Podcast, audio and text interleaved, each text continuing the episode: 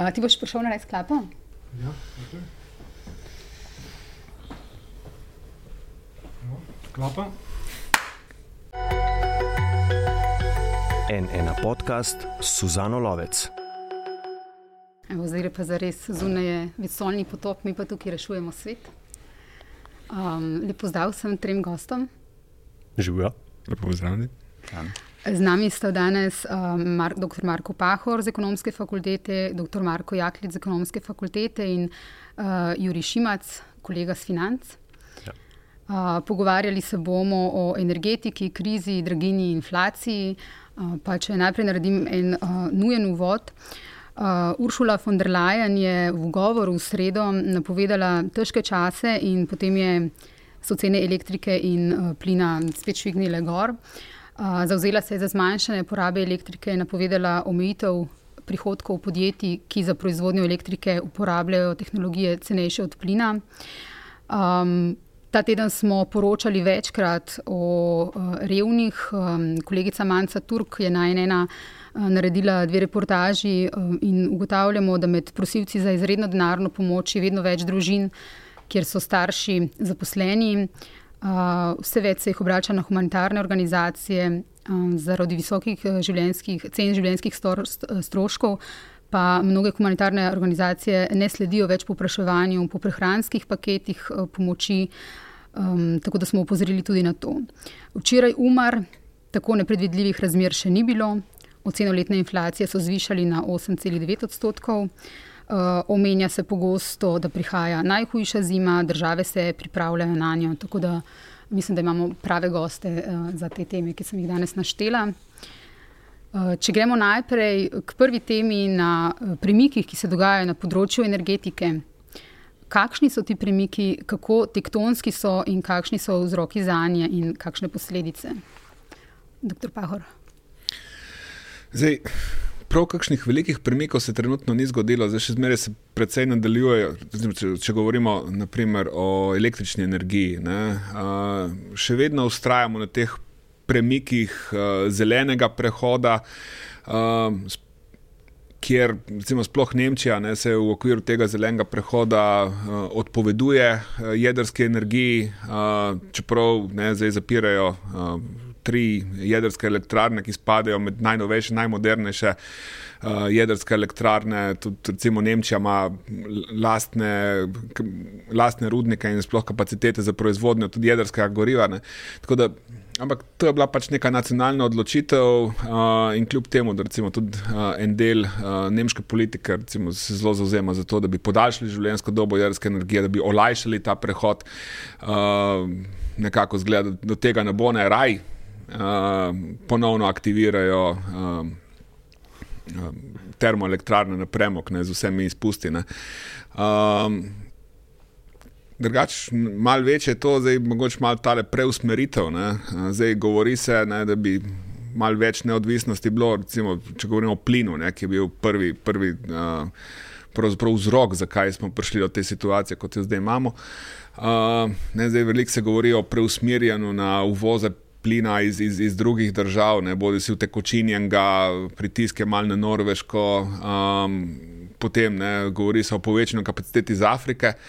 Uh, stvar, o kateri se ne govori, ne, uh, spet zaradi političnih odločitev, je pa, da bi Evropa uh, povečala uh, proizvodnjo lastnega plina. Uh, zdaj so uh, precej velike ocene, ne, da recimo Evropa pod, pod evropskimi tlemi so večje zaloge uh, plina v uh, teh. Uh, Uh, no, skrilavcih, ja, a, to je slovenski izraz. Ja. Uh, v, v skrilavcih, kot recimo v ZDA, ne, ki praktično meni, da je samo oskrbna s plinom za nekaj naslednjih desetletij, ne? ampak spet le imamo kupenih političnih odločitev, uh, da, da se tega Evropa ne bo šla. Številne države, Slovenija, recimo, rekla, mi se odpovedujemo temu, Nemčija rekla, mi se odpovedujemo temu. Ne? Tako da velik te. Kriza, ki jo zdaj imamo, ne, je pravzaprav povzročena strani uh, nekih političnih odločitev, ki so sicer uh, zelo uh, hvale vredne. Zdaj, pač gremo na zelen prehod, povedujemo se. Uh, emisijam CO2 in tako naprej, ampak uh, so pa zelo nevarne, ne? ker so odvisne od nekih političnih. Uh, raz, raz, razmer, ne, se pravi, dobrih odnosov ali z Rusijo ali z afriškimi državami. Mislim, jaz, sem zelo skeptičen do tega, da je zdaj na mestu, da stavimo na, na Rusijo. Ne, Ki ji verjetno nekaj naslednjih desetletij ne bomo mogli prav zares zaupati, uh, na mest na Rusijo, ne, gremo zdaj staviti na Afriko. Ne. Afrika nikoli ni bila znana, vsaj ne v novejši zgodovini, kot uh, neka zelo politično in, in, drugače stabiln, stabilna celina. Ne? In nobena od držav tam ni posebej taka, da bi rekli, okay, zdaj smo pa res zanesli. Da, uh, jaz mislim, da bodo te pritiski res taki, da bomo mogoče malo uh, upočasnili uh, ta zelen prehod, oziroma mogoče po, pojedli nekaj zaračenega kruha, uh, tudi političnega. In, uh, šli na stvari, ki so vzdržne in ki so tukaj, ki so v Evropi. Um, če pogledamo te grafe ali pa zemljevide, um, kako se spreminjajo uh, zemljevidi uh, plinskih poti, se pokaže, da so veliki premiki. Um, plin iz Rusije v Evropsko unijo uh, pred vojno predstavlja 40% uvoza, danes 9% uvoza. Um, doktor Jaklič, uh, kako vi vidite, v bistvu, kaj je zdaj glavni problem? V bistvu? uh, če gledamo globalno, je problem predvsem v Evropski uniji. Zdaj, če bi pogledali ZDA, ki na nek način je evropsko samozkrbna, in če bi pogledali cene njihovih energij, so bile že prej niže in v tem smislu tudi. Eh, večji vpliv na konkurenčnost uh, njihovega gospodarstva, je danes cena nafte v, nekje na svetovnih borzah uh, na cenah pred COVID-om, no, se pravi leta 2019, če govorimo o dolarjih. Ne. To, kar mi več plačujemo danes, za to je vezan na, na šibak evro. Ne, tem, glede na dolar, ne, tudi o tem bi se lahko pogovarjali, zakaj je, zakaj je dolar uh, toliko šibak, ne vse te kompleksnosti njihan gibanj. Zdaj, seveda, Evropa je v uh, krizi iz večjih razlogov. Primarnih je uh, zadnjih 20 dobrih let uh, Evropa uh, liberalizirala trg uh, energetike na tak tržno-fundamentalen način. Uh, Marsikateri ekonomist, med drugim tudi jaz, se s tem niso strinjali. Ne? Ta sistem verjetno do neke mere kar dobro deluje, dokler je vsega dovolj. Uh -huh ko pa tega ni ne, in ko seveda del tega trga postane tudi, temu lahko rečemo, eh, financializacija, ne, se pravi, da se zadeve dogajajo na borgah, da se, borzah, da se zadeve trgujejo eh, glede na prihodne količine, cene in tako naprej. Uh, kjer uh, strah, špekulacije, špekulacije in, in ljudje, pogodbe. ki so, ki od tega živijo, mm -hmm. ne, ko to prevlada, uh, govorimo pa o resnih zadevah, ne govorimo o energentih, govorimo o hrani. Uh, tudi stanovanjih, ne, tudi žal se tudi to v svetu vse bolj tudi pri nas dogaja, potem je pa to kritično ne, in seveda kritično na ta način, da se lahko tudi države morajo odzvati, da, za, rekel, da zavarujejo demokracijo, ne, ker v Evropi marsikaj rekel, ni treba, ne, poslušam kdaj, ne fiksirati cen in tako naprej, ne, ampak tudi dejansko govorimo o, o možnih uh, zelo velikih nelagodjih oziroma protestih ljudi, ne, ki lahko zamajajo. In smo jim bili priča tudi konec koncev v 30 letih. Uh, tako da ti trgi, ti trgi enostavno, tako kot so koncipirani v, v, v Evropi, uh, dolgoročno ne delujejo. Mislim, da ne delujejo niti zato, ker sicer so bili postavljeni tako, da bi spodbujali ne, predvsem s korenčkom uh, uh, obnovljive vere energije, ampak ta podjetja, ki so na tej razliki v, v ceni ne, uh, v zadnjih desetletjih, dveh uh, služila, ne samo zdaj, ne, zdaj je to ekstremno. So te dobičke usmerjali v, v dividende, ne vem kaj, vse. Relativno malo se je vlagalo, veste, te obnovljive vire energije. Če pogledate, predstavljajo zelo mehen delež uh, v, v energetskem sistemu. Ne? In tudi trgovanja z razno raznimi kuponi in tako naprej so pomagali posameznikom, špekulantom, preprodajalcem in tako naprej, ampak namen, po mojem prepričanju, ni bil dosežen. Ne? Tako da tudi von der Leinova govori, seveda. Ali pa naša vlada, ne, da je treba temeljito spremeniti ta trg mhm. dela. Ne, to, pravi, to je ta zdaj globalni kontekst. Temeljita, eh, temeljita sprememba trga pomeni velike velike spremembe institucionalne, pritisk na kakšne lobije. Vemo, da je Evropa, kolega Pahor je že omenil, tu običajno zelo počasna. Veste, Kitajci se zelo hitro zmenijo, kaj treba narediti. Konec koncev tudi američani, čeprav imajo zelo različno, veste, tudi energetski trgi.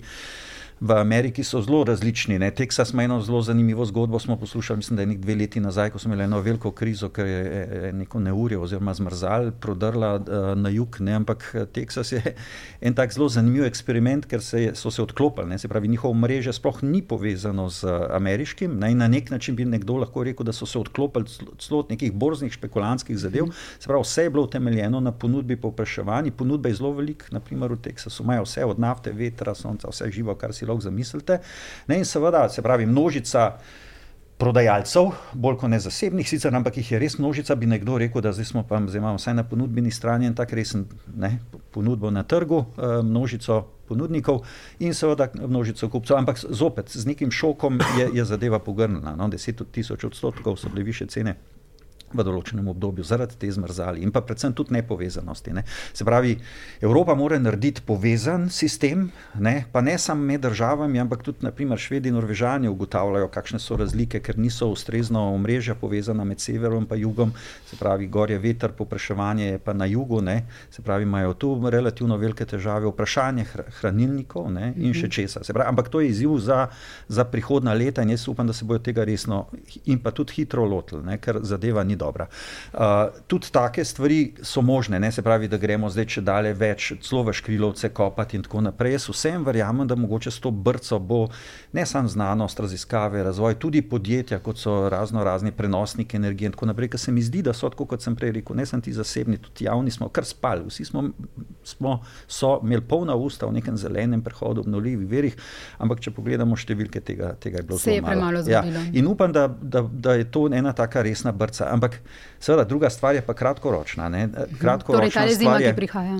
Zima, ki prihaja. Ne? Jaz zdaj, kar se tiče uh, gospodinstv, kar se tiče. Uh, Malih podjetij, nasplošno, ne samo v Sloveniji, ne, tudi v Sloveniji, ampak v Evropi, mislim, da, da kljub vsemu neke take večje krize ne bo, bojo više cene, naprimer cena plina za gospodinstva po mojem mnenju, bo tam nekje na položnicah dvakrat višja, kot je bila lani, ne? z omejitvijo cen, kot jo je država postavila. Uh, ker je cena plina nasplošno na trgih trikrat višja, kot je bila lani, pa zdaj, če se mečkam z razno raznimi drugimi dajatvami prilagodi, mislim, da bo račun tam dvakrat višji to za nekoga ni večji izziv, ampak za neko družino ne, ali pa, ali pa kakšne upokojence, tako naprej, ta zadeva zelo resna. Ne. In eh, vidimo, da države po eni strani uh, maksimizirajo cene, po drugi strani grejo zopet za tiste, ki so, govorimo o energetski revščini, zelo pod udarom, skušajo z nekimi drugimi pomočmi in jaz to seveda mislim, da je, da je nujno. Ne? Se pravi, a, a, da se zadeva na nek način preživi. Bolj v bistvu je pa možno, seveda, tudi v tem sistemu, da bo prišlo do pomankanja. Ne? Če zdaj samo pogledamo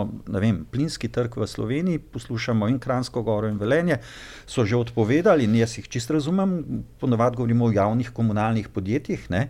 ki imajo tam, ne vem, bom rekel primer enega podjetja, milijon, dva kapitala ali kaj podobnega, so si izračunali, da v mestu dveh naredijo izgube, ne, ker oni po cenah plina, kot bi zdaj le morali, rečemo, delovati, ne, ker vlada jim je pa rekla, da morajo delovati in prodajati po ceni, kot jo je vlada zastavila. V dveh, treh mesecih so brez kapitala, se pravi, čista izguba, so zreli, so ne samo, da so, da so nelikvidni, so tudi nesolventni, morajo iti v stečaj. Tako da jaz mislim, da če bi bil jaz direktor tazga podjetja, bi že zdavni prenehal. Ne, ker mislim, da tu še ni urejen sistem povračil tega, kar po mojem mnenju, ne, petrol je slab eh, znak, ne, petrol je bil tudi. Eh, ne, pol leta nazaj udeležen v, v neki situaciji, ko je mogel prodajati derivate uh, po cenah višjih od nabavne. Ne. Mhm. Uh, zdaj, zdaj še danes se, ali bo to država po, povrnila ali ne, ne, ker je zakonodaja tako zapisana, da država lahko povrne. Ampak jaz mislim, če bi tako strinjal se s tistimi pravniki, ki pravijo, da se v ustavi piše, da je lastnina sveta, ne, da jo treba zaščititi in tako naprej, da, da mislim, da je to treba, zakonodaja bi morala že zdavni urediti in da če bi se šel petrol tožiti ali karkoli. Ampak to ni pomembno, zdaj nekdo bo rekel, da ja, se tam so eni delničari, ne samo država, ne, ker ne pokasirajo, se so prej dobro služili. Ampak govorimo o tem, da petrol lahko zdrži, ampak en kup, mislim, da jih je več kot 20 teh rečemo, plinskih eh, distributerjev v Sloveniji, lahko propade. In če oni propadajo, ne, jaz ne vem, na kakšen način bo ta plin potem prihajal. Ne. Seveda ti, ti lahko rečeš na koncu, ja bomo pa nekomu dali komu. Ne? Se pravi, ti vedno lahko preneseš na, komu, na nekoga, pa potem z nekim dekretom. Smo če dalje bližje zelo nepravni državi, tudi to hočem reči. Ne? Mi smo vedno, tudi zdaj v času COVID-a, poslušali, koliko je pravna država pomembna. Jaz mislim, da je izjemno pomembna, seveda, in to se zdaj čuti iz vidika funkcioniranja demokracije, svobode in še česa, na kar Evropa pristaja. V čemer smo boljši od vseh Kitajcev, pa, pa Američanov in tako naprej. Ampak če bomo tu padli, bomo imeli velike težave. Ne samo, da ne bo investicij v določene ne, zadeve, ker se je pač vlada tako odločila, ampak tudi neki osnovni temelji naših odnosov uh, se porušijo. No, tako da, kar se tiče kratkoročno, jaz mislim, da, da, da bo večji. Problem pri podjetjih in to tistih večjih, o katerih danes ne govorimo, ker običajno tudi naša vlada reče, da ja, je to pa vprašanje regulacije enotnega evropskega trga, državnih pomoči ne? in zdaj seveda tu pa, tu pa kukar bo pa bo. Ne? S tem, da ta večja podjetja, zanj sem poslušal direktorja Taluma, predsednika uprave in tako naprej, slišim tudi druge po Evropi, da neki, mislim, da na češkem, bo rečeno, so že zaprli eno resno tovarno aluminija in tako naprej. Ne? Se pravi, to bo povzročilo seveda samo še više cene, če govorim zdaj v Evropi, ali pa vsaj višjo, ve, večjo konkurenčno prednost eh, Kitajcev, Američanov in tako naprej. E, taka podjetja je na nek način zelo težko na novo zagnati. Ne. To zopet povišuje cene, v, vsaj v Evropi, lahko tudi kje druge. No. Ampak, veste, tam se mi zdi strateško, so, če govorimo tako v teh treh dimenzijah, ZDA, Kitajska, pa, pa Evropa pa seveda Rusija je zelo pomemben element uh, v tej zgodbi, je Evropa zelo nestrateška. No? In je zopet se izkazalo to, da smo na nek način sicer živimo relativno v redu, ne? uh, v neki relativno svobodni demokraciji, socialdemokraciji. Ampak imamo pa težave. Ne? In ni samo naša energetska odvisnost, če zdaj zopet mečkam grem naprej, ampak je tudi surovinska odvisnost. Mm -hmm. In to, kar je kolega Pahor malo hotel namigati, so že študije. Seveda, mi gremo lahko zdaj od nekih avtokratov stran ne? in potem pogledamo, da bomo pa odvisni, naprimer, pri baterijah od nekih surovin. In potem pogledamo, kje to surovine so, in potem ugotovimo, da so tam avtokrati. Doma pa najbrž bojo še zelo dolg čas, ki mhm. bojo tako ali drugače uh, izsiljevali to zgodbo. Ne? In je to je, je zelo, zelo zahtevno no? za, za Evropo, pa mislim, da se tega niti ne znamo dosti dobro rešiti. Vemo, Marko je rekel, ne, mislim, kako, je, kako je Šreder, Merklova, kako so z Rusijo igrali. Uh, jaz bi celo si upotrdil, da zdaj Evropa plačuje to politiko, uh, politiko uh, Nemčije do Rusije, pa konec koncev tudi opuščanje jedrske, pa še kaj. Ne. Na nek način so zelo, zelo padli pod, pod nek vpliv. Ne. Seveda, moramo pa tudi vedeti, tudi ZDA igrajo tu svojo zgodbo. Jaz se spomnim, tam sem ko je bil Obama, no, mislim, da je bilo to tam 2008-2009, tam po Ameriki hodil po vzhodni strani in se je ogromno gradil v pristaniščih. Ne, in sem kolege vprašal, američane, kva pa tle vsi neki del, delate, pa so rekli, delamo te zalogovnike za utekočinjen plin, kaj te pa z njim, sem rekel, oni poceni škrilavcev in tako naprej. Ja, v Evropo, jaz sem rekel, tam imamo pa poceni ruski plin, pa so rekli, ne bo dolg. Rusija ni zanesljiv partner ne, v tem smislu. Tako da te igrice so bile, Amerika je pripravljena za zalogovniki, seveda Evropa ni, no, celo na jugu so zalogovniki, sem potem teh plinovodov ni, do, ne, do, še, do Francije, nekaj šele kam gor na sever. Ne. Tako da Evropa infrastrukturno absolutno ni pripravljena uh, uh, in samo kaže na to, kako to, kar sem prej hotel reči, no, da, da strateško ne znamo in ne vem, ali bomo znali za prihodnje, ne samo energenti, surovine. Jaz upam, no, da ne bo treba škrilovce, da ne bo treba, verjamem, celo kakšne bolj, uh, bom rekel, uh, uh, sintetične pline, ne pa zdaj ne govorim uh, o vodiku, nekaj res tako, še razvojno, še nekaj deset let stran, ampak sintetični plin, biometan in podobne zgodbe, ki mislim, da na obstoječi infrastrukturi bi že lahko s temi visokami, visokimi cenami pa sploh ne. Tako da se mi zdi, da v roku leta, dveh bi morali tle že neke rešitve poiskati. Ne vem, ali jih iščejo v Evropi. Jaz poslušam slovenske energetike, eni pravijo, da, da se da, drugi pravijo, predrago in tako naprej. Tehnološko se da, ne? zdaj kako je s ceno, pa kdo bo to, ne? te elektrolize, ja. kdo to vlada, to je drugo vprašanje. Ja. Pa še vedno imaš pol problem energije, ne? ker zato, ti generiraš sintetični plin ne? iz nekih ja. surovin, recimo transformacija CO2, ne? recimo ponovna uporaba CO2, ne? capture reuse, ne? CO2. Ja, ampak ni problem. Ampak rabiš energijo. Ne? Ja, lejte, mi imamo, nekaj govorimo o obnovljivih obnovljivih verih energije. Mi imamo sonca v Sloveniji za naše energetske potrebe večkrat preveč. Ne rabimo niti vetra, ki vemo, meni je veter zoporen, ko gledam te vetrne cemente, uničuje pogled. Ne. Proti vodi smo tudi, da nam uničujejo reke in tako naprej. Ne. Na nek način je sonce je še najbolj taka lagodna rešitev. In prav sem, mislim, mi imamo sonca preveč. kot Poleti. energije. Ja, no, to Pozimi hočem ga reči. Uh, problem je uh, shranjevanja. Ne? Pa ne samo ti cikli so, eno je noč, ne, to tam ni sonca, drugo je pa seveda zima. In seveda shranjevanje, tisto plini so uh, hranilnik. Veste, če vi pline de- delate iz nekih, bom rekel, ču, iz premoga, pol je res brez veze. Ne? Če pa delate iz sonca, ne, se pravi iz obnovljivih verov energije, pa to ni tak problem. Ne? Seveda so tehnološki problemi, berem to, ne? ampak jaz spet verjamem v inženirje, da to znajo tako zrihtati, pa konc koncev tudi do neke ekonomike pripeljati. ne. Um, Juri, vrnimo se na tole zimo. Če je ta težka zima pred nami, kje ti vidiš uh, rešitve za to zimo? Zdaj uh, vidimo, da se uh, konkretno neke države že prilagajajo, da so v Nemčiji že par mesecev v bistvu neki ukrepi na ravni mest, tudi države. Um, naša novinarka Andreja Lončar, ki jo je fajn poslediti uh, tudi na Twitterju, tisti, ki poslušate ali gledate, je pred dvema dnevoma zapisala, da um, je Avstrija začela s kampanjo za vrčevanje uh, energije, svetovati gospodinstvom, kako uh, z malimi ukrepi vrčevati z regenti. Pač predlogi so tukaj počasna vožnja, krajše tuširanje, omejevanje uh, hlajenja, gretja in podobno naprej. Uh, pri nas je minister Kumar prejšnji teden dejal, da seveda vsak lahko vrčuje, če želi. In pred uh, kratkim so recimo proslali nam nekaj priporočil z ministrstva, kako v splošnem zmanjšamo porabo elektrike od tega, da um, temperaturo znižamo na 20 stopinj letos po zimi, da bolj ogrevamo le kopalnice, to so zelo take konkretne stvari, da okna naj ne bodo vedno odprta na kip, ampak večkrat na dan um, na stežaj odpreti in močno um, prezračiti, da se uh, stene ne ohladijo in tako naprej. Uh, videli smo uh, v tujini že to, da se omejuje osvetljevanje po noči, da spomeniki niso osvetljeni in tako naprej. Zdaj, kako učinkoviti so ti ukrepi? A je to le kaplja v morje? Mislim, ne vem, ali je kaplja v morje ali ni, ampak načeloma pri tem vrčevanju z energijo sta, sta možna dva pristopa. Kot si vemo, Evropa ima težavo z ponudbo energije, ne, s plinom in kasneje z elektriko. Um, zdaj mi dobivamo ja, na svete, kako vrčevati z energijo in tako naprej, ampak kaj je tisto glavno, kar potrošnika ali pa podjetje motivira k temu, da bo vrčeval z energijo? Ne? To niso nasveti gospoda Kumra, ne, čeprav nič proti njim, ampak glavni motivator je verjeten, to bo se profesor strinjal, cena. Zdaj, če cena močno raste, bodo vsi motivirani bolj vrčevati z energijo. Podjetja z nekimi svojimi ukrepi, gospodinstva z nekimi svojimi. Mi na drugi strani po Evropi dobivamo povsod neke cenovne kapice. Ne? Vsi vemo, da je to, mislim, ne vem, če vsi vemo, ampak to je zelo drag ukrep. Um, pač neke mehanizme kompenzacije izgub trgovcem bo treba izpostaviti, če ne pač se nehajo s to dejavnostjo ukvarjati, kot smo videli pri uh, recimo pri Domplanu v Kranju. Um, skratka, skratka, višja cena motivira ljudi in podjetja k vrčevanju. Ne? Koliko pa jih taki na sveti, ne vem. Profesor Pahor.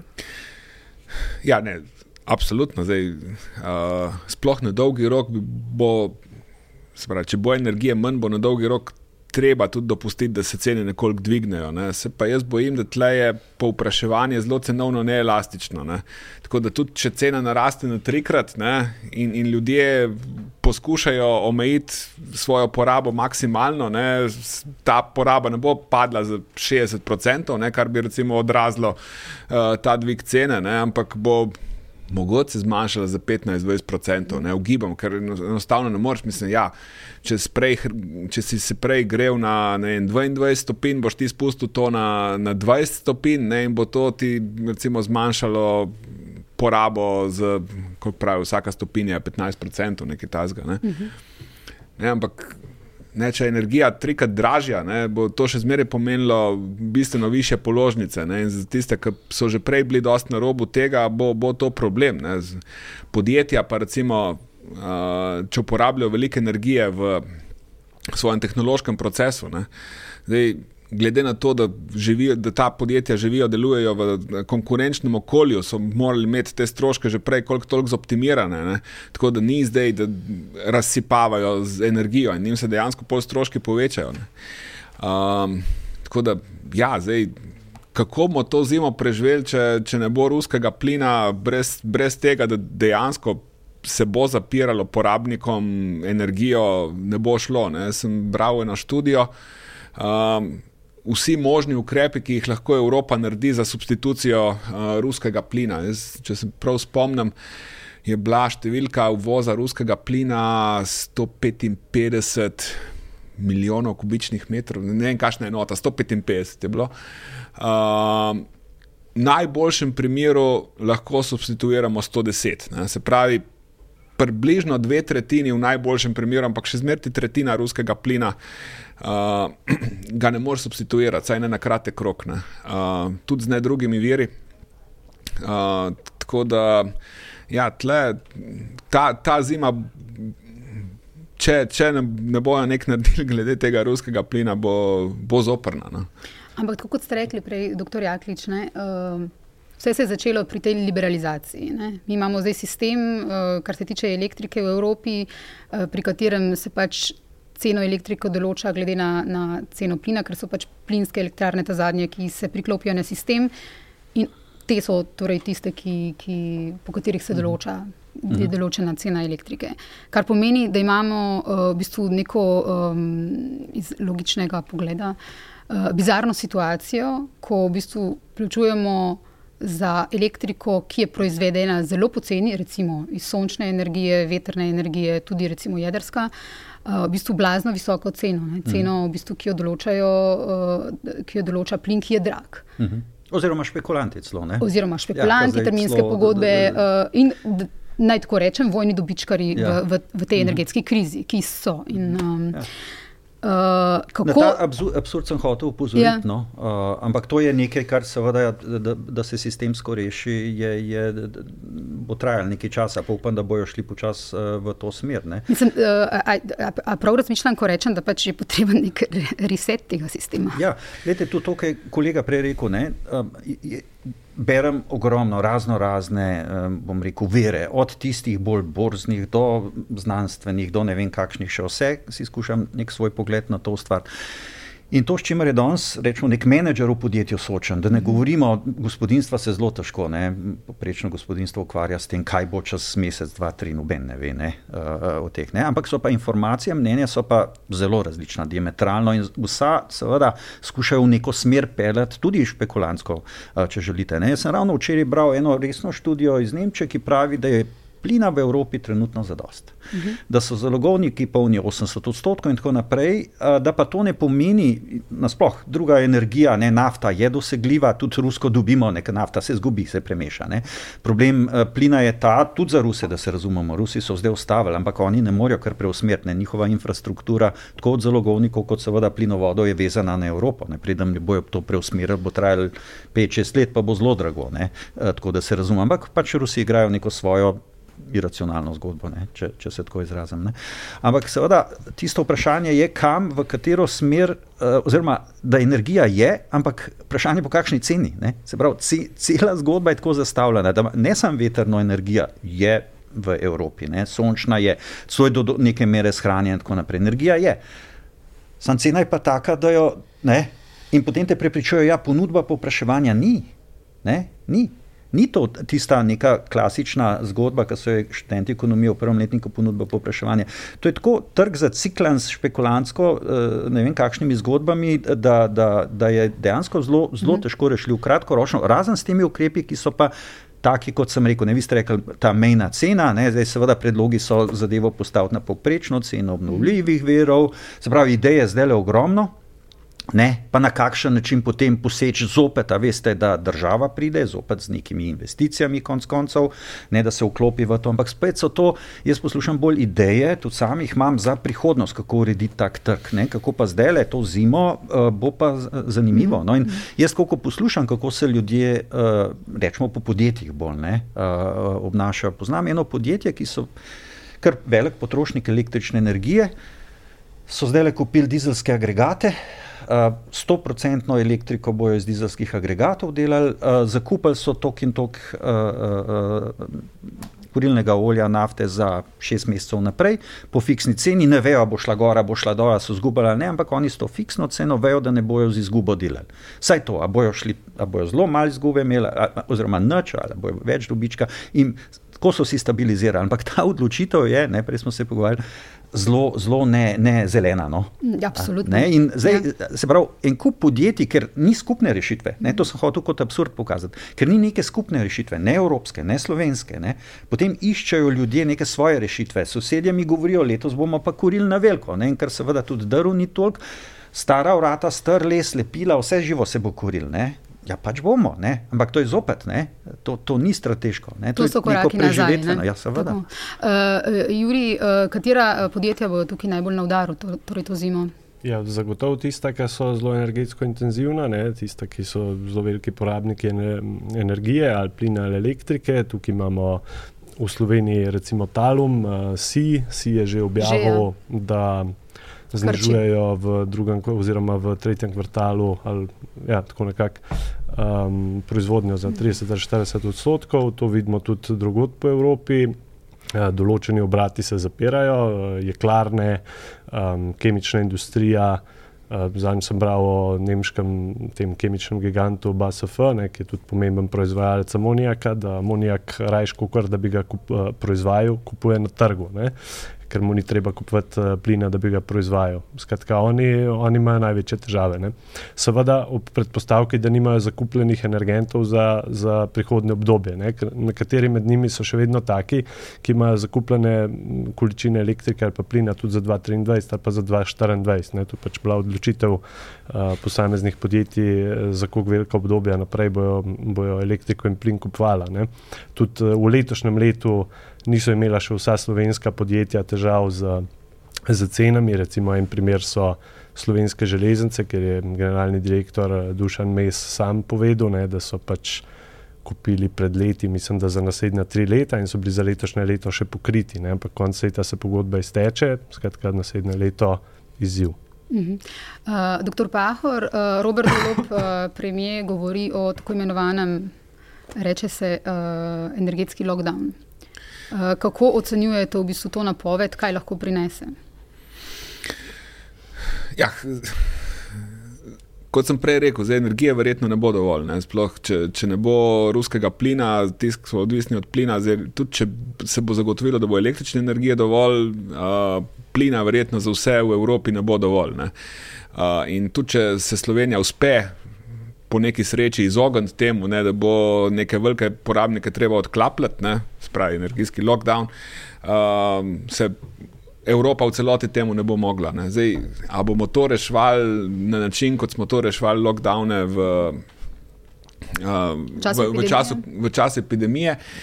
Uh, zdaj, to se je pokazalo tako, da draguje, za začetek je drago. Uh, pa je pa ena precej velika razlika tukaj. Uh, in sicer uh, epidemija je vseeno imela, ne, kljub temu, da smo imeli recimo, ne, te lockdowne, se jaz prav spomnim, 175 dni, nekaj tasga, ne, smo, smo imeli neke vrste karantene. No, te, prav za, za ustavitev uh, javnega življenja je bilo bistveno, bistveno krajše, pa tudi industrija, recimo takrat nismo ustavljali. Ne, Neke storitvene dejavnosti so bile uh, ustavljene. Ampak uh, vseeno je imelo relativno kratek čas. Zdaj, mi tle pa govorimo, vem, da bomo določene industrijske dejavnosti ali pa vsaj določene uh, podjetja ne, ustavljali za štiri mesece, šest mesecev. Uh, to so zelo dolga obdobja ne, in uh, to, to, to je drago. Ne, Drugač pa nekaj bi se še navezal ne, na, na, na te strukture, pa špekulante. Ne, zdaj, mi, mi imamo tako malo mal zelo na pol tržno vse skupaj. Če bi mi en, trg električne energije res, imel, res imeli tržen. Ja. Verjetno bi zdaj te visoke cene električne energije dale spodbudo za neke velike investicije v proizvodne kapacitete.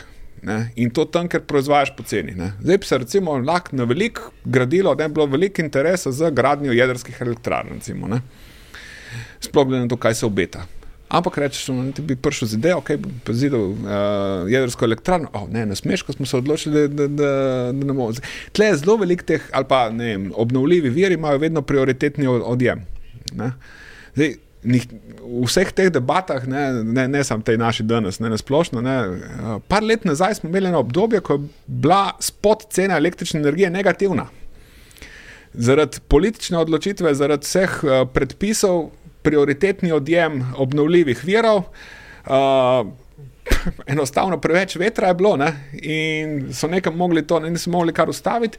In bila dejansko spod cena, spravi tista trenutna cena za električno energijo, zelo negativna. Ne? Plačali so ti, da si vzel ne, uh, energijo. Ne? Podobno kot pri nafti, ne? med lockdownom. Tudi tud tako je. Ja. Ampak, ja. no, ampak je, je, mislim, to se najbrž vidi, da se ne bi ponavljal. Ne? Tle imamo zelo različne poglede. Jaz absolutno nisem tržni fundamentalist, ki se ga moče, ki je kdaj pri komu kaj čuti. Ne? Jaz ne verjamem to. In tudi to, kar se je, se je Marko vprašal. Ne? Seveda so bile tudi cene negativne, spot in tako naprej, ne? ampak večino časa, sploh pa zdaj, ne, so, te, so, so tiste. Ne, sploh tisti, ki imajo variabilno ceno, oziroma mejne stroške zelo nizke ne, po tisti investiciji, uh, so kar velike dobičke delali, energetske mm -hmm. podjetja in Absolutno. tako naprej. Ne. Se pravi, uh, uh, pa niso investirali, no. to, to, mm -hmm. to mhm. bi rad še enkrat povdaril. Tako da mislim, da samo korenček ni dovolj, ne. je ja. treba neke vrste palca, ne. ja. oziroma neke vrste koordinacija, da se bo ta stvar uredila. In jaz le vidim uh, bolj rešitev manj trga, ne. pa sem dal prej primer Teksas. Teksas čist tržen ni funkcioniral. Uh, pri nas je ena tako čudna mešanica, ta, ta evropska, uh, zelo, zelo financializiran trg. Uh, uh, se pravi, vdor špekulantov, finančnih instrumentov, in tako naprej tudi, čeprav običajno pravimo, da je plus, da pač prenašajo neko likvidnost v sistem, ampak jaz na ta način je preveč tvegano v tak sistem, ki je resen, energetika, hrana, stanovanja, to so resna stvar, ne bi spuščal. Ne grejo bitcoine kupiti, tudi delnice za mene in tako naprej, tole ne, ne bi pa pustili primer. Ne? In seveda organizacije trga so lahko čist druge. Ne? Veste, tudi pri nas študente ne nekaj naučimo, sam ponudbo popraševanja kot neke vrste naravni zakon. Ne? Jaz se spomnim, sem prav zanimiv mi je, ker sem v poznih 80-ih študiral v ZDA, ker so nam alternativno alternativo predali neko, pa nočem teoretizirati, strafovo teorijo cene. Se pravi, neki stroški plus nek markup. Ne? Pa je bilo moje vprašanje, govorimo o planskem sistemu, profesorju, ne ali govorimo o tržnem sistemu. Pa je razlagal, tež, pa je imel težave. No? Ampak zdaj to, kar zdaj gledam.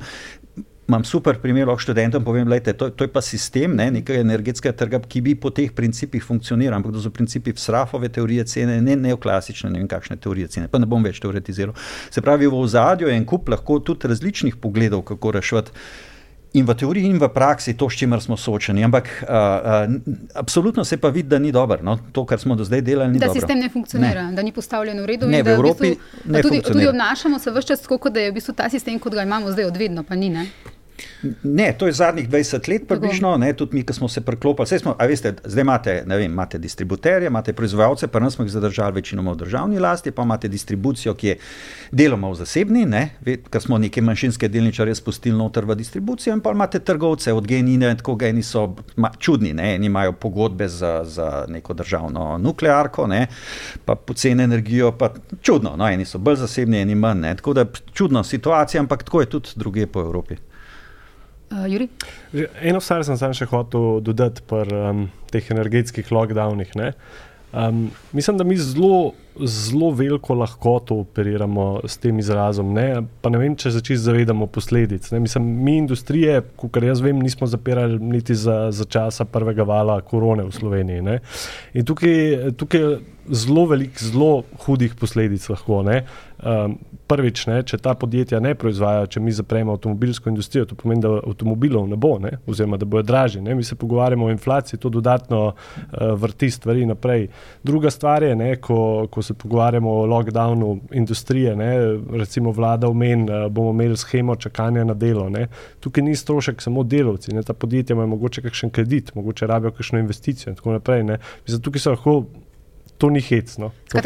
Ja. Če smem samo še to dodati, absolutno se strinjam. Ne? Zato me toliko moti v tem komuniciranju zdaj, ki še spodbuja paniko. Ne? Se pravi, podjetja to, ko vidijo, da govorimo o lockdownih, energije ne bo, govorimo o odpuščanju, govorimo vse mogoče, iščejo nekaj, seveda špekulanti pa seveda se s tem, s takšnimi informacijami še Hranijo. bolj hranijo. Ne? In je, mi je, mislim, mi je, tako kot smo mogoče v prejšnjem obdobju vladi govorili, da mal ne- nespretno komunicira, se mi zdi, da se zdaj le nespretno komunicira. Ne? Da ne, mislim, da je tudi- še vedno treba reči ljudem, lejte, pa sej vidijo tudi na svojih položnicah in tako naprej. Ne? Ampak da se, da se mal po nepotrebnem, po eni strani se panika zganja, uh -huh. mogoče tudi že kot upravičilo, da plina ne bo, ampak plina ne bo, če mene zdaj le vprašate, če ne bojo hiter uh, postavili sistema, da ta javna komunalna podjetja, občinska in tako naprej, da, bojo, da ne bojo odklapljala, ne? se pravi, da se ne bojo odklapljala.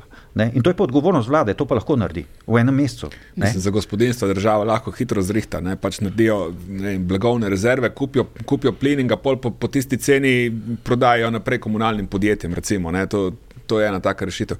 Ma nekaj bi se še navezal na Jurija. Um, Ki je ravno omenil ne, avtomobilsko industrijo. Zdaj, pri teh energetskih lockdownih ne, ne, včasih malo pozabljamo, da je gospodarstvo zelo, zelo prepleteno, ne, da, da je to cela mreža, ne, dobaviteljska in tako naprej. Da se verige lahko prekinejo. Ja, seveda, ne, zdaj, če ti recimo rečeš, ok, bom jaz, bom jaz zaprl uh, tista podjetja, ustavil, z- zaprl, ustavil začasno tista podjetja, ki porabljajo zelo veliko energije ali pa plina. Ne. Naprimer, uh, steklarska industrija, ne, zato da žene uh, steklarske peči. To kuri na plin. Ne? In bomo rekli, ok, zdaj bomo pa mi steklarsko, steklarska podjetja ustavili. Ne? Ja, po kar naenkrat ne, se ti pojavi ne, avtomobilska industrija, ne, ki reče, mi pa nimamo šip za avte. Ne, ne, in se ti avtomobilska industrija ustavi, ne, se pa se avtomobilska industrija ustavi, pol, se, oni pol ne rabijo več uh, vseh ostalih komponent, ne, in se potem vsi dobavitelji avtomobilske industrije nimajo naročil. Ne.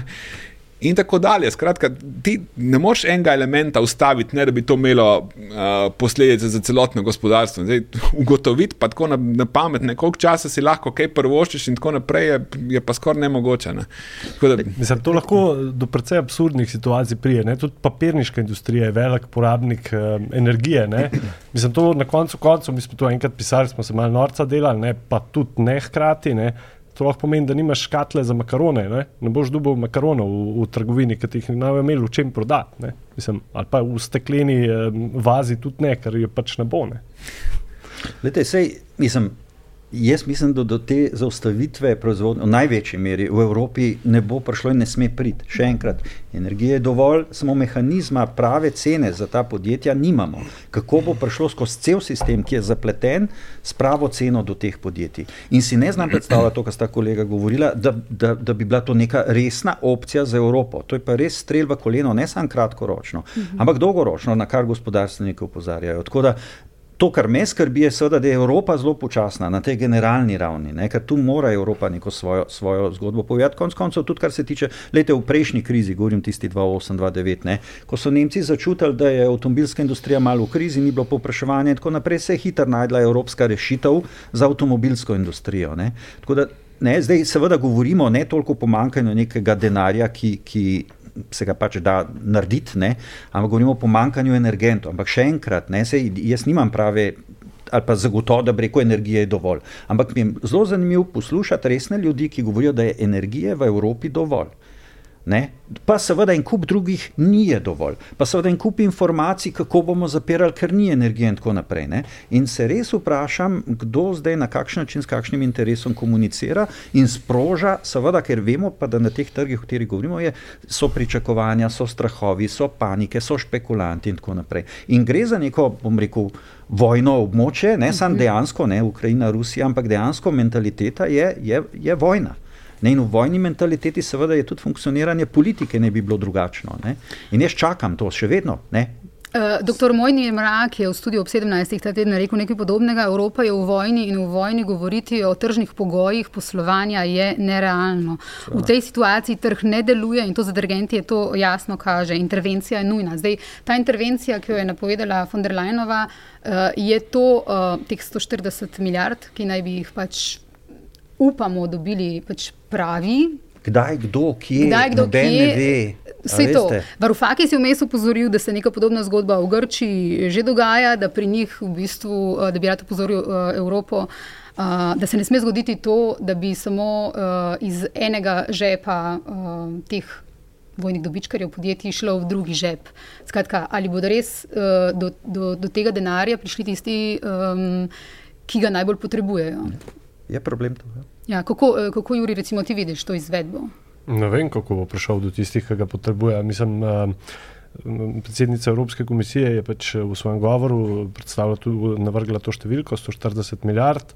Zdaj jaz predvidevam, da za to številko so neki izračuni. Verjetno so pogledali poslovanje podjetij v letošnjem letu, tistih, ki pač imajo proizvodno ceno še vedno nizko, prodajajo pa lahko više. Ampak pri teh stvarih je treba tudi vedeti eno stvar. Ne? Ni nujno, da oni danes prodajajo po taki ceni. Ne? Zelo pogosto, oziroma najbolj običajno v energetiki je, da se um, proizvodnja po neki ceni proda vem, za leto ali pa za dve vnaprej. Ne. Recimo Gen Energija ima zdaj tako situacijo, ne, ko, ko bojo šli v remont, oni so elektriko prodali v, po neki določeni ceni, zdaj pa jim nuklearka ne bo delala ne vem, 14 en, dni. Oni morajo iti na market kupiti uh, elektriko, ne, mm. kar pomeni, da bojo letos delali minus. Ne. Po, mm. po letu so imeli težave zaradi. Uh, suše, ne, zaradi hidroelektrarn, spet so mogli dokupovati na marketu. Ne. Kar pomeni, tukaj delaš minus. Če si ti nekaj prodal za 50 in uh, ne moreš izpolniti svojih obveznosti, moraš iti na trg in kupiti po 500, si naredil tle hud minus. Bak, če, če se smem na to navezati, gledajte, za to gre. Jaz sem dobil eno informacijo, pa za njo ne stojim, ker nisem, ampak je iz vladnih verov. Ne, da je v Sloveniji dve tretjini podjetij, pa govorimo zdaj o teh večjih, ne, ki, so, ki imajo relativno ugoden zakup energentov. Za, tudi še za to zimo, ne bom šel naprej. Ena tretjina je pa seveda takih, ki, ki podobno kot geni in tako naprej, nekaj so kaj prodali, pa zdaj nimajo, pa bojo mogli in podobno. Ne? In zdaj seveda govorimo o eni tretjini podjetij. Nekdo bi lahko rekel, aha, so na robe špekulirali, oziroma so se na robe odločali, zakaj bi mogli, pa jaz, ker sem se pa pametno odločil. Ne? Ampak, gledajte, prevelika zgodba je. Prvič je to tretjina podjetij, ne smo, smo uh, pregovorili. Drugo, biti pameten za nazaj ne, v takšnih razmerah je zelo čudno. Ker če me zdaj le vprašate, kako bo pa borzna cena, ne vem, plina, naftni, tako čez mesec, dva, ne vem. In tudi une, ki se bolj resno s tem, kar dnevno ne vejo. Ne. Skušajo usmerjati, morate vedeti, da tudi seveda špekulanti in podobni igravci zadnji večji usmerjajo uh, te zgodbe, oni več vejo. Ne? Oni z manj tvegani grejo to. Jaz, če bi šel zdaj, le bi bilo to tako, da gremo v kazino, pa, pa, pa bo ali ne bo, ne? Uh, uh, verjetnost. Ne? Tako da je to ta zgodba, ne? se pravi, na kakšen način potem mogoče, če zdaj govorimo o gospodarstvu, če je ta številka točna, te tretjini pomaga. Ampak še enkrat, lete, dve tretjini podjetij ima po čist solidnih cenah energente, se pravi, energija je. Tretjina pa skozi ta trg, kot je bil, se ni zagotovila prave cene. Ne? Če je to to. Ne? Pa imamo seveda gospodinstva, smo že prej rekli, kako bojo reševali male podjetja, malo podobno. Ne? In o tem govorimo. Ne? Ampak to je tretjina podjetij v Sloveniji. Ne?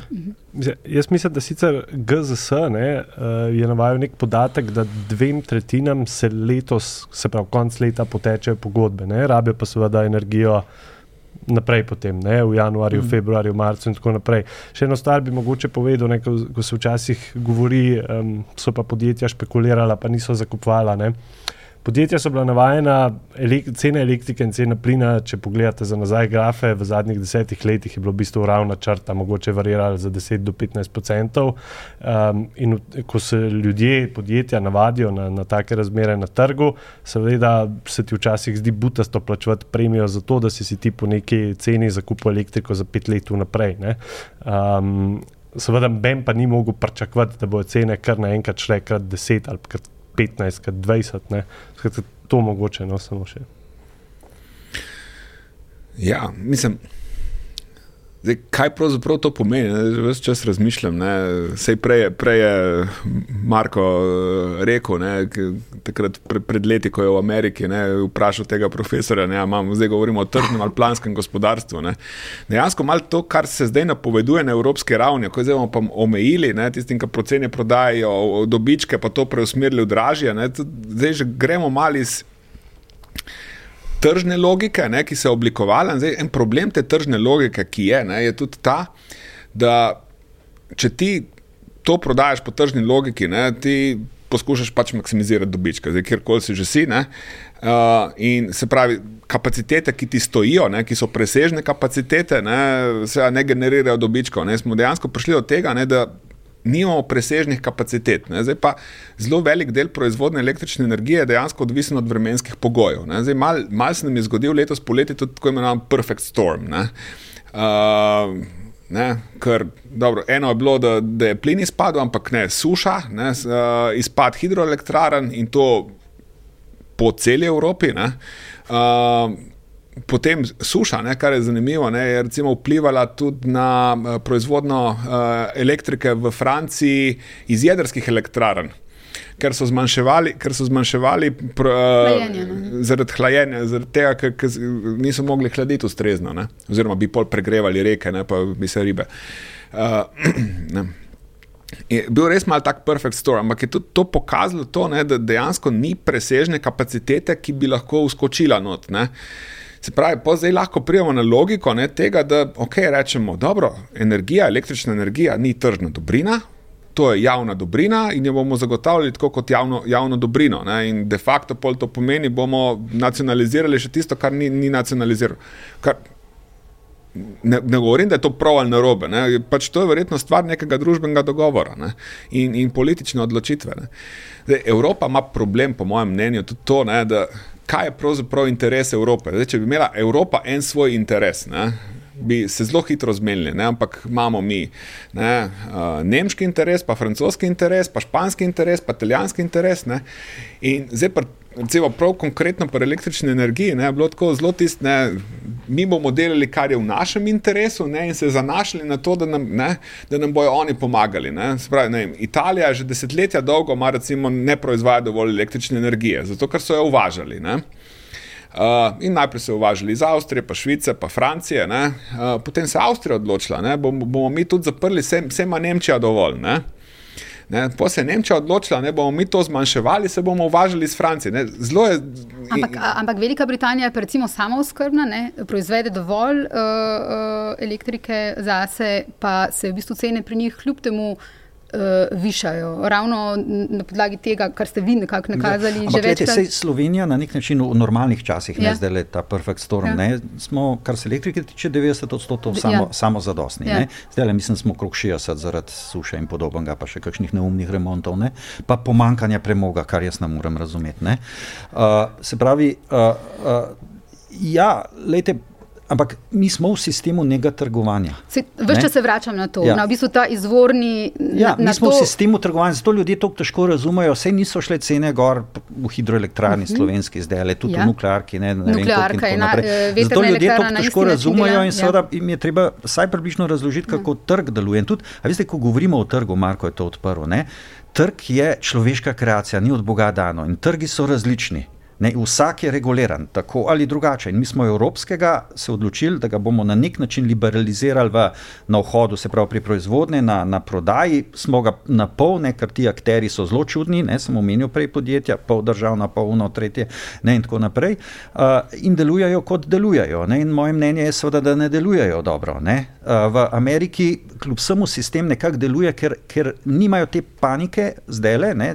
Tudi je bila. Veste, tudi američani niso razumeli še par mesecev mesecev nazaj, zakaj zaradi ukrajinske vojne oni zdaj plačujejo toliko, pa toliko več. Ne? In so se zadeve na nek način, tudi v psihozi, akterju in še kaj, ne? seveda, so se na nek način stabilizirale. Imajo pa dejansko realno podlago samozadostnosti. Ne?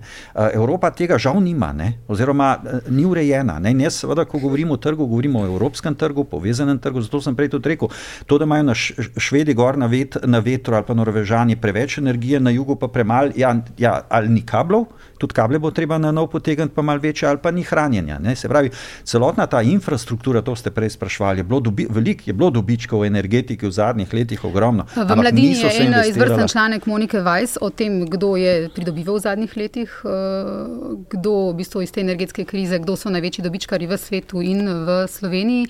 Ampak če se vrnem nazaj na to, kar ste vi odprli, pa tudi vi, gospod Pahor, um, torej ali bi veljalo uh, zresetirati ta energetski sistem, električni sistem, sistem v Evropi, na kak način. Ja.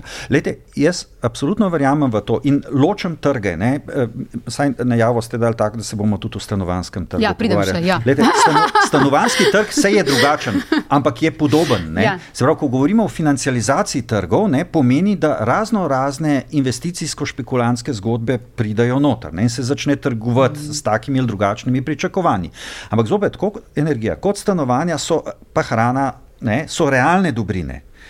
Ne, ki jih ti konzumiraš. Delnico, če jo imam ali če jo nimam, če je padla danes za 20 posto, še zmeraj živim. Ne. Imam mal slabši občutek ali karkoli že, pa upam, da bo drugačne. Če pa energije danes nimam, če hrana predraga, si jo ne morem prvošati, ne morem dati otroka, je to druga stvar. Zato potrebujejo drugačne pristope. Ne? In uh, tudi ZDA imajo veliko bolj strateški pristop k energiji, to lahko vidimo, zato so tudi samo zadostni. Konc, ok, odločili so se že škrilovce, premog so nabijali pod Trumpom na veliko, tako da imajo vsega dovolj. Ja. Uh, ampak zdaj Evropa pa seveda ne bomo onesnaževali, ne bomo onga tretjega. Ne, Kitajci so šli ob svojih, ne samo energetskih surovinah, strateških, ki jih imajo ogromno, so šli v Afriko, pa so Afriko zavojevali. Mi nič, ne, mi smo ne vem kaj. Ne. Mi smo pa, Evropa je pa ob, ob, uh, navezala se na Rusijo, ne, v, kar se rečemo uh, plina tiče, uh, manj nafte, ne, in zdaj smo v luftu. Ne. In veste, ni tako, da na to niso upozarjali ljudje. Danes, če, če dalj bolj prihajajo oni ven, ki so rekli, pa smo povedali v Nemčiji, pa Šrederju, pa Uno, pa tretje, ne, uh, ko so stvari tekle. Ne. Tako da žal.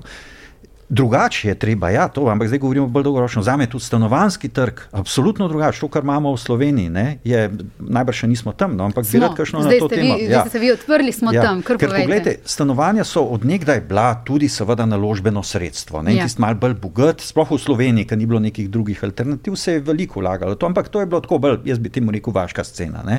Zdaj, ko ti enkrat udarijo v to zgodbo, res pravi. Špekulanti? Bom rekel, mogoče ne toliko špekulanti, ampak močni ne finančne firme, uh -huh. kot je to v ZDA, kot je to v Kanadi. Ne? Se pravi, to so ljudje, nepremičninski skladi, ki imajo ogromno denarja, ki tako ali drugače usmerjajo ta trg. Ne? Se pravi, ko tudi ko je kriza, ne pravimo včasih, kaj pa kriza, pa grejo določeni, ki so razvijali te nepremičninske projekte, cugrunt, pa banke so prisiljene potem to prodajati pod ceno, ker se rešujejo zaradi bančne regulative, potem se pa splača kupiti.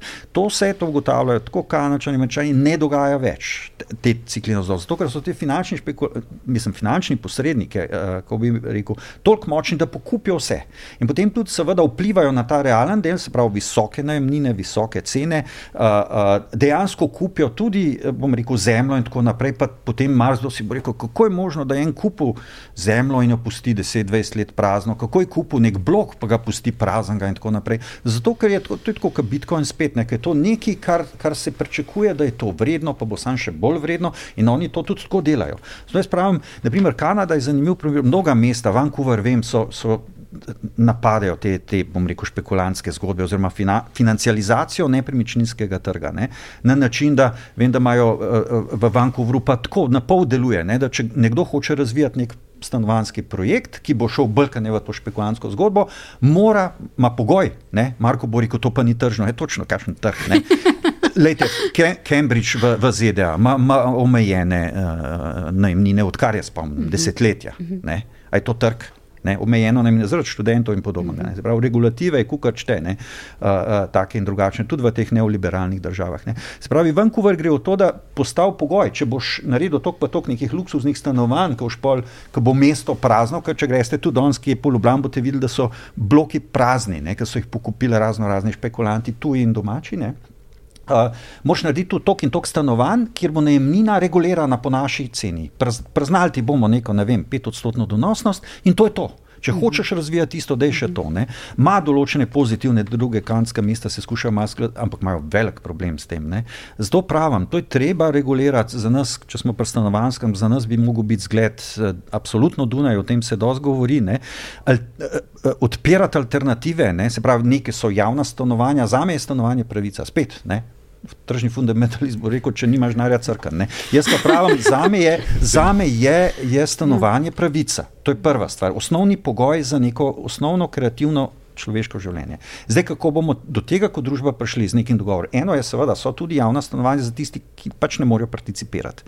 Ne? Drugo so pa razno razne zadružne oblike, poslušamo iz Dunja in tako naprej, ker ljudje lahko participirajo, ker tudi ta občutek lasništva je pomemben pri ljudeh, tudi ustava ga garantira, ne? se pravi, neka varnost, naložbenost kljub vsemu in tako naprej. Pravi, in kup je možnosti in mi imamo zelo lep zgled, zelo blizu, ne? sicer tam traja že institucionalno desetletja, ne pridem bi ga, ampak pri nas bo to težko narediti, ker en kup teh špekulantskih zgodb, od županov do še koga, ki tle sodeluje. Veste, isto je pa prej bilo omenjeno Evropa. Ne? Se v teoriji se da tole hitro zrihtati, ne? na dveh, treh straneh popišemo. Elektriko, mislite? Ali pa stanovansko. Yeah. Ja. Ampak to spela, to prakso, to je pa težko. Ker so v zadnji ljudje za, za interesi, denarjem. z investicijami, z denarjem. Isto je energetski trg, da se razumemo. Nizkoenergetski trg, tako je. Uh, Juri, um, nepremičnine, ali smo uh, v Sloveniji, v konkretno v Ljubljani, zdaj morda res na pragu že obrata ali ne? Neki, neki znaki so, da naj bi obrat Ne, bil. mislim, neki znaki se zagotovo pojavljajo. Ne? Sicer ma- malo več bomo vedeli drug teden, ko dobimo uradno objavo od statističnega urada, nažalost, šele za drugo četrtletje, ampak dobro. Um, nepremičninska analitska družba, Arvijo se imenuje, oni zelo podrobno spremljajo transakcije, upise, nove posle. Po njihovih nekih dognanjih uh, smo v drugem četrtletju letos videli približno 10-procenten upad števila transakcij, kar bi lahko bilo prvo znamenje, da mogoče so rata ljudje malo bolj previdni, ne plačajo več vsega, so se malo hladili. Zakaj je tako? Verjetno zato, ker so krediti precej dražji, kot so bili, zato ker so obeti za naprej v gospodarstvu in tako naprej eh, slabši, kot so bili, tudi življenjski stroški se višajo, ne, kar, o čemer smo se danes veliko pogovarjali. Um, skratka, to je to zaenkrat, kar, kar prihaja iz trga. No. Um, Ja, uh, vprašala bi vas še to, kar smo se v bistvu pred, uh, pred oddajo pogovarjala. Uh, in, o inflaciji smo kar nekaj dan že govorili. Uh, nam lahko pojasnite, nam in našim gledalcem, predvsem pa naši redakciji, ki je to temo odprla, uh, razliko med inflacijo in draginjo. Ta beseda draginja se je zdaj prijela, zdaj jo več čas uporabljamo, uh, neka Ja. ja. razlika pa vseeno obstaja med njima. Um, ja, zdaj draginja. Po, Dajmo začeti drugače. Um, inflacija je v resnici statistična kategorija. Ne? Zdaj, o inflaciji govorimo, zdaj, inflacijo merimo skozi tako imenovan indeks cen življenjskih potrebščin, uh, ki nam pravzaprav pomeni, pokaže to, za koliko se v povprečju povečajo cene uh, vsakodnevnih uh, dobrin. Uh, ker imajo pač vse te dobrine svojo določeno utež, ne, se pravi od hrane, storitev, ne na zadnje pa, pa tudi no, recimo, uh, najemnine in tako naprej. Ne. To je statistična kategorija. Zdaj, če cene v povprečju rastejo s podobnim tempom, uh, kot rastejo tudi prihodki uh, ljudi, uh, potem ne občutiš, da se stvari bistveno dražijo. Ne. Če ti pa cene narasta, naraščajo, tako kot se nam dogaja zdaj to zadnje leto, ne, da cene naraščajo bistveno hitreje, kot nam naraščajo prihodki, pa to seveda občutimo kot draginjo. Zato, ker z tiste svoje prihodke dobimo manjšo košarico vseh dobrin. Zdaj, inflacija še vedno, inflacija recimo načenja uh, naše premoženje. Ne? Se pravi, če imamo premoženje, ki se mu vrednost ne povečuje, bodi si zaradi tega, ker vem, obresti približno pokrijejo inflacijo ali vem, naraščanje vrednosti recimo, nepremičnin, ne bilo o njih govora, naraščajo podobno hitro kot inflacija, ne, potem se, uh, se nam premoženje, se nam vrednost premoženja ne spreminja. Ne, se, če pa imamo mi svoje premoženje, ne vem, rekel, v nogavici ne, ali pa pod žimnico, ne, uh, pa seveda inflacija to premoženje zmanjšuje. Ne. Ampak ja, draginja je res to razmerje med cenami, ne, se pravi, koliko plačamo za tisto, kar potrebujemo za vsakodnevno življenje in našimi prihodki. Ne, seveda, če se ta košarca zmanjšuje, potem govorimo o draginji. Uh, Juri, um, in ker smo tle, kot je um, dr. Pahor zdaj opisal, um, samo upam lahko, da bo država poskrbela za tiste najrevnejše in da jim ta zima in naslednji meseci, eh, da bodo lahko normalno živeli, da se ne bo dogajalo to, kar sem na začetku opisala, kako uh, družine z dvema zaposlenima v bistvu morajo zdaj po humanitarno pomoč hoditi.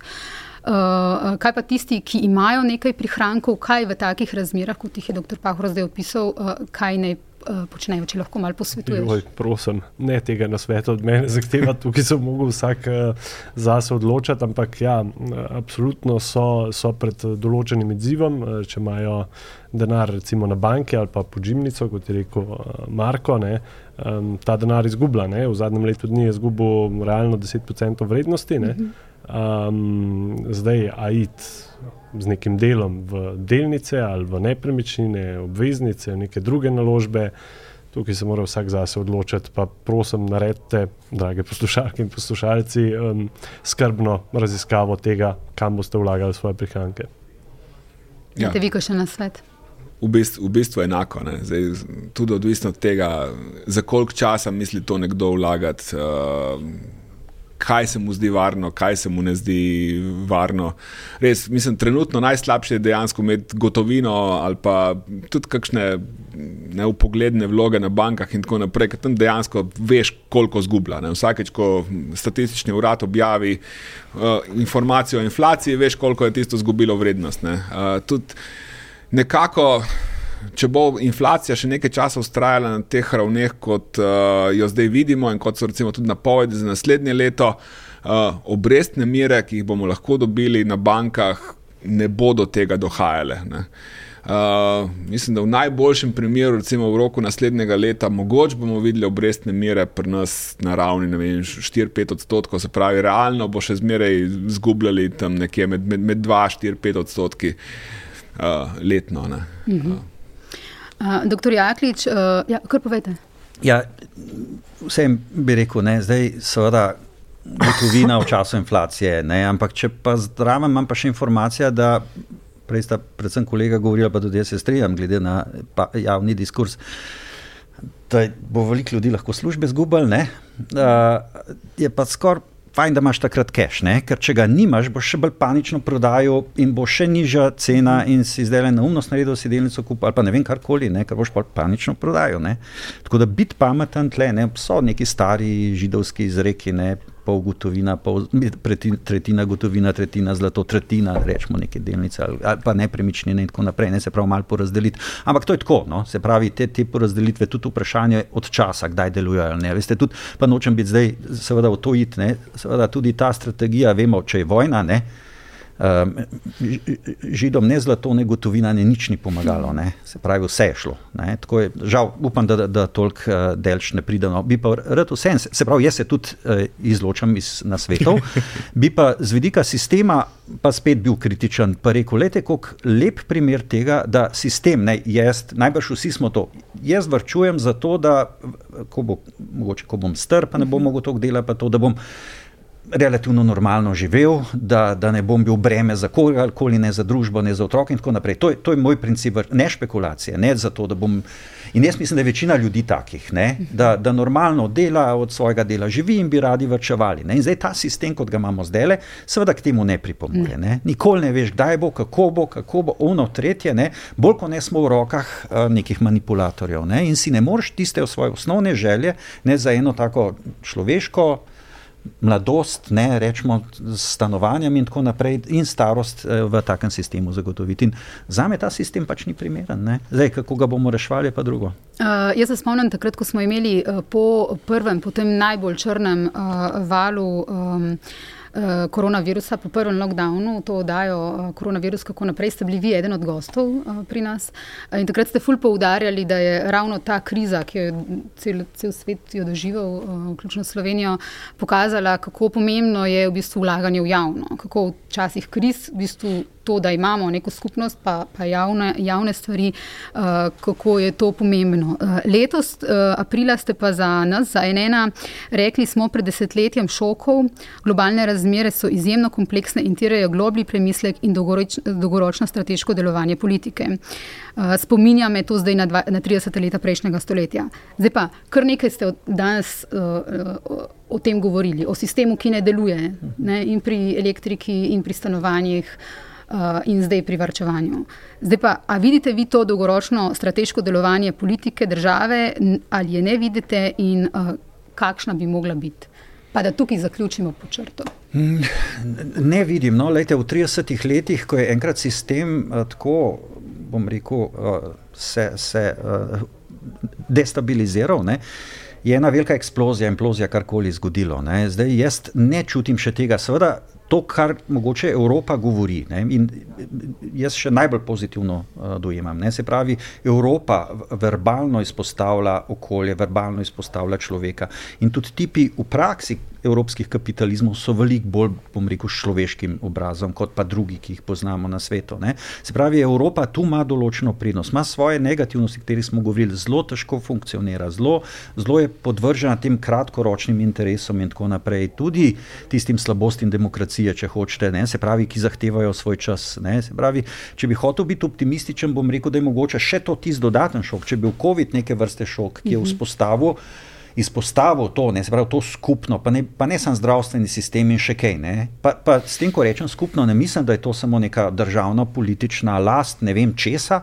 Ne, tudi ko gremo, ste rekli, kako naprej, ali pa stanovanja, ali pa tudi energetika. Ne mislim, da je v energetiko, jaz upam, da bomo če dalje bolj tako skupnostno vlagali v neke sončne elektrarne, v občini, v krajovni skupnosti, kjerkoli, ker bomo imeli, ker bomo tudi vlagali denar, pa potem tisto ceno energije, kar bomo ne, na nek način si zagotavljali delali, kjer ne bomo podvrženi nekim špekulantom tam nekje. Ne. Se pravi, ja, verjamem v to. Ne. Se pravi, tudi da bomo vlagali, in meni ni za to spet, da bom na elektroenergetiki služil ne vem kaj, ampak da bom imel energijo relativno ugodno, pa stabilno, pa seveda nek mogoče ne, delež, ki mi bo tudi na starost olajšal, pa, pa niti ni nujno, da je to nek uh, težek dobiček tam zadnji ali pa obresti. Ne. Se pravi, in kup je, a veste, v tem delu podsistemov. Se pravi, zelo spomnim se ene, enega citata, enega. Komika, satirika ameriškega, mislim, da je leta 54-55, rekel ne. Pa takrat so šli iz kompleksnosti že ven, no? se pravi, kompleksnosti sveta, ki ga je pa on najbrž v mladih letih doživel, tako kot ga mi zdaj le doživljamo. Ne? On je rekel, na svetu je ogromno kompleksnih vprašanj. Ne? Tako kot jih imamo mi zdaj. In ogromno enostavnih odgovorov. Običajno enostavne odgovore prenesajo razni Hitlerji in tako naprej, ne? se pravi populisti, da bomo mi tole rešili, ne? brez problema, pa hitro, kakšnega sovražnika, ki drugje dobijo, pa, pa ga je treba napast, pa še kaj podobnega in potem se seveda gre v svetu smer destrukcije. No? Ampak ta, ta satirik je rekel ogromno, seveda, lahkotnih, lahkih enostavnih odgovorov, ki so pa vsi napačni. Ne. Eh, zato jaz pravim, ne, mi se ne smemo bati te kompleksnosti, v kateri živimo, rešiti jo bomo mogli v, v neki strateški logiki. Ne. In jaz mislim, to sem hotel reči, no, da Evropa ima neko strateško usmeritev, ki mislim, da je prava. Ne.